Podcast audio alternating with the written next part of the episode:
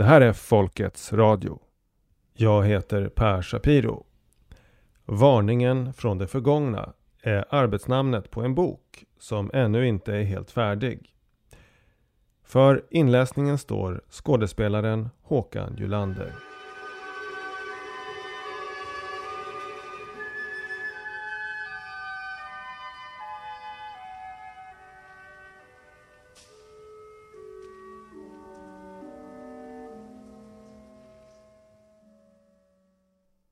Kapitel 5 Hur närmar man sig det övernaturliga utan att tappa merparten av sina kritiskt tänkande läsare?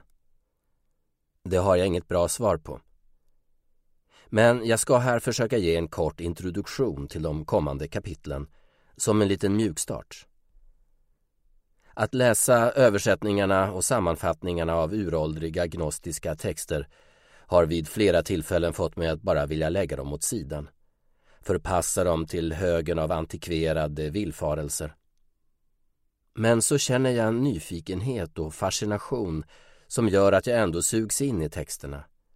Och en insikt som blir tydligare ju mer jag förkovrar mig, nämligen att min syn på vad kunskap är har formats av en kultur som på många sätt är väldigt extrem i sin närmast totala disconnect från naturen. Detta gäller inte enbart om man jämför med gnostikerna. I en intervju från år 2000, några år före sin död, beskrev den indianske författaren Vine Deloria några, som han såg det, grundläggande skillnader mellan ursprungsbefolkningens och västerlänningars sätt att leva och se på världen. Enligt honom upprätthåller vi en kollektiv fiktion som går ut på att världen är död och att inga andra än människor har en förmåga att kommunicera. Vetenskapen, säger Deloria, insisterar på att observatören ska vara så frikopplad som möjligt från den händelse som observeras. Och han jämför det med ursprungsfolkens inställning att människor måste vara delaktiga i händelsen. Indianerna, säger han, kan erhålla kunskap från fåglar, djur, floder och berg som inte är tillgänglig för den moderna vetenskapen. Det låter kanske som vidskepligt flum, men är det verkligen det? Tänk på någon som du känner riktigt väl. Låt säga din livspartner och låt oss säga att ni varit tillsammans i 50 år, uppfostrat barn ihop, gått igenom kriser och sett varandra gå igenom olika livsfaser. I den nära relationen finns kanske ett förtroende och en närhet som bara ni två delar. Och du har en inblick i den här människans väsen som verkligen går på djupet. Den sortens nära relation, beskriver Deloria, hade ursprungsamerikanerna till naturen. Ofta kunde en växt dyka upp i en dröm och säga till någon mig kan du äta, men först måste du göra det här och det här för att jag ska bli ätbar. När han var yngre, berättar han, brukade han dela med sig av indianernas unika växtkunskaper till forskare så att de skulle kunna studera dem. Men, säger Deloria, de ville alltid plocka isär plantan för att studera dess beståndsdelar. Deras försök var poänglösa, för det är inte så våra medicinmän använder den. Plantan går inte att kemiskt bryta ner. Det är plantan i sin helhet som botar, inte en viss ingrediens. Att försöka tränga in i gnostikernas textfragment från det länge förgångna är lite som att vara den här mekanistiskt orienterade forskaren som vill dissekera medicinmännens plantor och lägga dem under mikroskopet. Det är en process lik den som på engelska kallas to decolonize our mind. Ett försök att, åtminstone tillfälligt, ta av sig de glasögon som vår kultur har satt på oss. Det är ett försök att bygga en bro tillbaka till en verklighet som vi har förlorat kontakten med. Inte en kontakt som gått förlorad genom naturlig evolution där vissa perspektiv har valts bort i en naturlig urvalsprocess utan en kontakt som har utplånats genom genocidala kampanjer under många sekel och som sträckt sig över världens kontinenter. Det kanske största motståndet ligger i oviljan att ta in det faktum att det troligen är vår kultur som är präglad av vidskepelse och fiktiva föreställningar, inte tvärtom. Förenklat och övergripande kanske man kan säga att de följande kapitlen avhandlar två övernaturliga fenomen. Det ena är den livskraft som står i centrum för de gnostiska så kallade mysterierna. En sorts riter som fortgick ända tills den romerska kyrkan förbjöd dem. En liknande planetär kraft finns beskriven hos i princip alla ursprungsfolk, om än med variationer i namn och representation. Låt oss för enkelhets skull kalla den jordens väsen eller jordens intelligens. Det andra skulle vi kunna kalla för teknologins väsen eller den artificiella intelligensen. Redan här reser sig två invändningar. Dels fanns ju ingen avancerad teknologi på gnostikernas tid och dels har väl teknologin som sådan inget väsen, ingen agens annan än den vi programmerar den till att ha. Men vet vi verkligen till fullo vad artificiell intelligens är? Kan det faktum att ett snarlikt fenomen finns beskrivet för flera tusen år sedan ge oss anledning att reflektera över vår relation till teknologin och det artificiella tänkandet? Hur vet vi egentligen vem det är som programmerar vem? Det var en liten introduktion till följande kapitel. Kanske kommer de ändå att framstå som antik science fiction för en del läsare. I grunden tror jag dock att allting som gnostikerna beskriver är sånt även du själv har förmågan att uppleva. 6. Att rekonstruera mysteriet. Citat. Gudinnesymbolerna representerar cyklisk, inte linjär tid det finns ingen stagnation i naturen. Livets energi flödar i en spiral av liv, död och återskapande ständigt i rörelse som de porlande bäckarna och de virvlande vindarna. Slutcitat. Maria Gimbutas.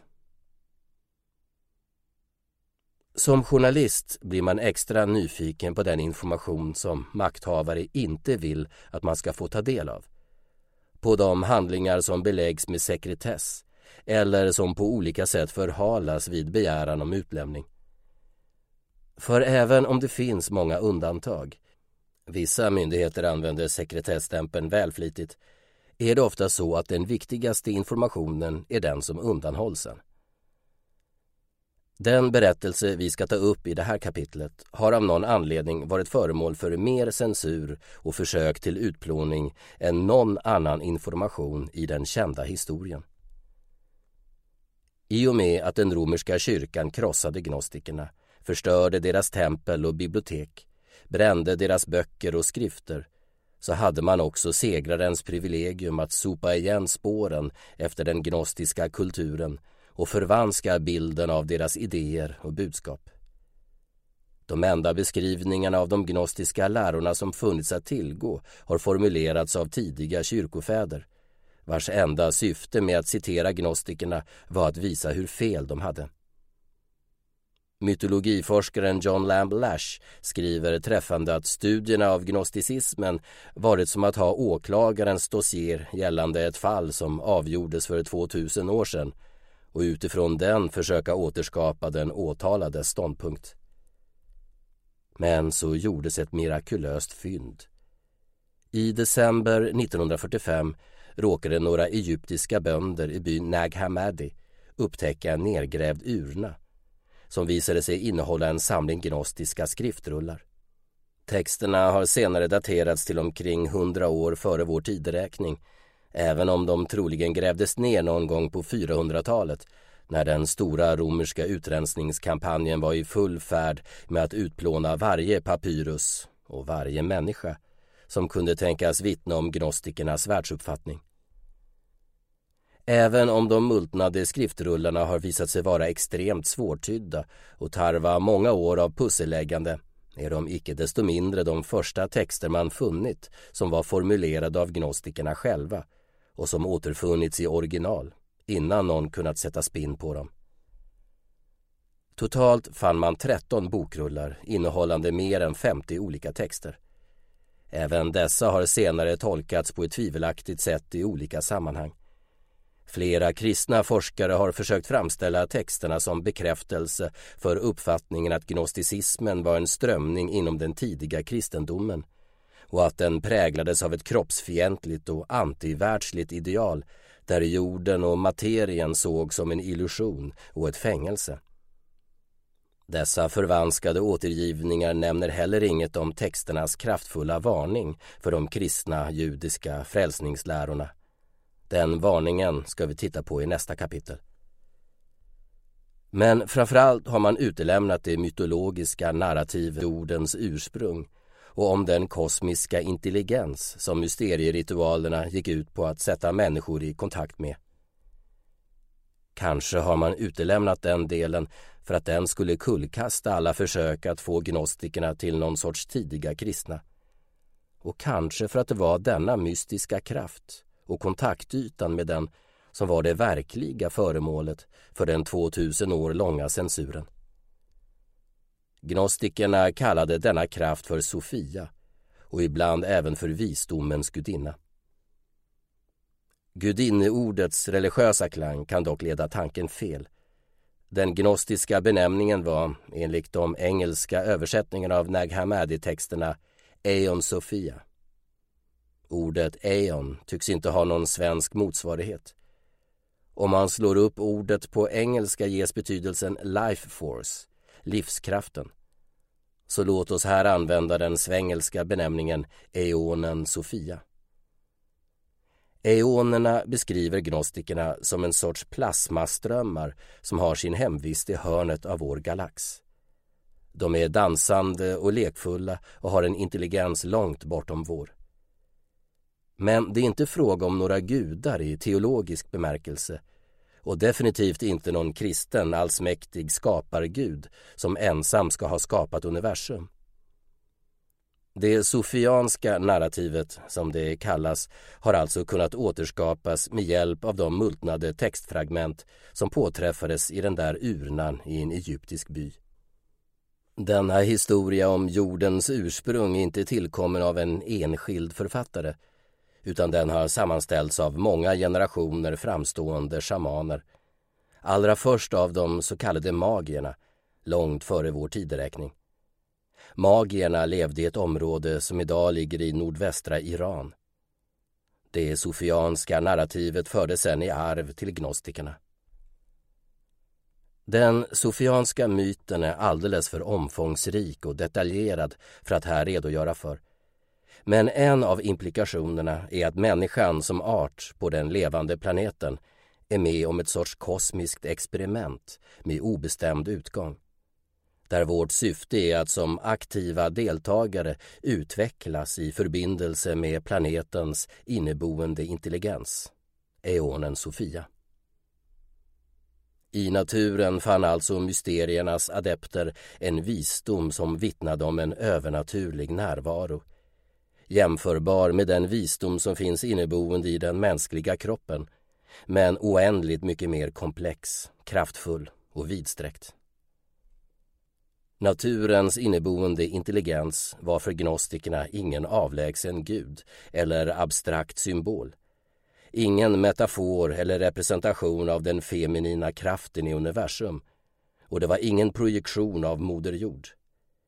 Eonen Sofia var den här planetens väsen. Eller rättare sagt, hon är den här planetens väsen. Och det var inte dyrkan i någon religiös bemärkelse gnostikerna ägnade sig åt. Det var en form av interaktion med detta väsen som de kunde uppnå genom att försätta sig i transtillstånd. Och det var på den vägen de fick sin visdom, kallad gnosis. Om jag ska skriva en initierad bok om bergsklättring men själv aldrig klättrat i berg så blir min saknade erfarenhet givetvis en begränsning. Ännu större blir begränsningen ifall det är fråga om en mystisk upplevelse i ett förändrat medvetandetillstånd. För den som själv inte varit med om upplevelsen blir det i princip omöjligt att till fullo förstå och förklara den för andra. Den huvudsakliga anledningen till att John Lamb Lash så väl har kunnat återskapa och levandegöra de gnostiska mysterieritualerna beror på att han själv, till skillnad från övriga uttolkare, är utövande shaman. Han har kunnat försätta sig i samma sorts tillstånd som adepterna befann sig i när de initierades i mysteriet. Kanske man kan jämföra med en nära döden-upplevelse som nog också är omöjlig att återge för den som inte upplevt den. Här finns dock en stor mängd självbiografisk litteratur och vittnesmål att researcha. Men det som finns kvar av den gnostiska mystiken är i stort sett bara dessa multnade och extremt svårtydda pappersfragment som hittades nergrävda i Nag Hammadi och därutöver en uppsjö av förvanskningar och förvrängningar. I sin renaste form beskrivs eonen Sofia som ett sorts mjölkvitt, icke skimrande ljus. Och det är det ljuset som är målet med initiationen i mysterierna. Disciplerna får hjälp att försätta sig i ett transtillstånd. De blickar djupare och djupare in i naturen ända tills de för första gången får skåda den utan dess kläder. Bortom blommorna, jorden, gräset, träden, sjöarna träder då livskraften fram i form av detta mystiska, organiska ljus. Det förtjänar att upprepas. Ljuset som antikens initiater fick uppleva är inte metaforiskt, utan det är ett verkligt ljussken. Att initieras i mysteriet var alltså detta möte med planetens intelligens, så som den uppenbarar sig som ett sorts mjölkvitt, icke-skimrande ljus som initiaten kunde se i detta tillstånd av trans. Ritualen är extatisk. Initiaterna gråter och skrattar om vartannat i ett starkt känslorus av beundran och vördnad. Men det är också en initiation i bemärkelsen visdom. Det beskrivs hur initiaterna, omfamnade av ljuset, får livsavgörande insikter om medvetandet och tillvaron och hur de upphör att frukta döden. Om den lyckas ger ritualen initiaten en helt ny förståelse av vad det innebär att vara levande och tillhöra den här planeten. Här finns inga paralleller till religioner där lidande eller utslocknande är väg till frälsning. Initiationen till naturen går hos gnostikerna via extas och eufori. Av Nag Hammadi-texterna framgår alltså att initiaten möter ett sublimt mjölkvitt sken. Detta möte beskrivs som höjdpunkten i initiationsriten inom mysterierna. Enligt ett vittnesmål från den antike filosofen Themistius genomgår medvetandet samma upplevelse vid initiationen som i dödsögonblicket. Man möts av ett magnifikt ljus. Det är ingen orimlig iakttagelse. I den tibetanska dödsboken finns också, vid sidan om andra fenomen, en beskrivning av en mjölkvit ljuskälla som möter betraktaren på andra sidan. I denna liknelse får vi också en nyckel till att förstå syftet med det transtillstånd initiaterna behövde försätta sig i om de skulle nå denna upplevelse. Människan, i synnerhet den civiliserade, är till skillnad från de övriga djuren inkapslad i sin kultur. Numera även bedövad av ständig input från teknologi och kanske så fångad i en allt mer narcissistisk jag-identifikation att hennes jag, så att säga, ställer sig i vägen för den kommunikation som det här handlar om. Mystikern Terence McKenna har sagt att det som krävs för att med hans termer bryta igenom är den sortens mod som han kallar för kvinnligt. Alltså inte det machomodet som kanske uppbådas inför en strid eller annat där adrenalinet pumpar utan snarare den sortens mod som krävs då en kvinna föder barn. Individen måste kapitulera, ge upp sitt motstånd och låta den kraft som är i rörelse genomströmma sig utan att spjärna emot. Översatt i rituella termer kan det nog liknas vid att dö en smula. Det är inte den biologiska kroppen som dör utan det vardagsjag som byggts upp under vår levnad och som vi kommit att identifiera oss med i hög utsträckning som nu ombeds att maka på sig när medvetandet ställs in på en annan frekvens. Denna process kan kännas som att man håller på att dö. Och det talas ibland om egodöd som en förutsättning för mystika upplevelser. Den kontakt som mysterieriterna gick ut på är sannolikt omöjlig så länge som den isolerade självidentiteten dominerar medvetandet. Längre fram ska vi återkomma till detta och jag kommer även berätta om mitt eget hemsnickrade experiment i gnostisk anda. Men för att summera så här långt. Mysterieskolorna var antikens, alltså den förkristna världens spirituella universitet och de var spridda över hela Medelhavsområdet. Den centrala visdomen, hur människan skulle utvecklas i samklang med naturen utifrån regionala förutsättningar, förmedlades alltså i kontakten med en mystik planetär kraft som gnostikerna kallade Sofia, vilket även är namnet för kunskap. Ordet filosofi betyder således kärlek till kunskap eller visdom. Men det betyder också bokstavligen kärlek till Sofia, den gemensamma kraften bakom allt liv på jorden.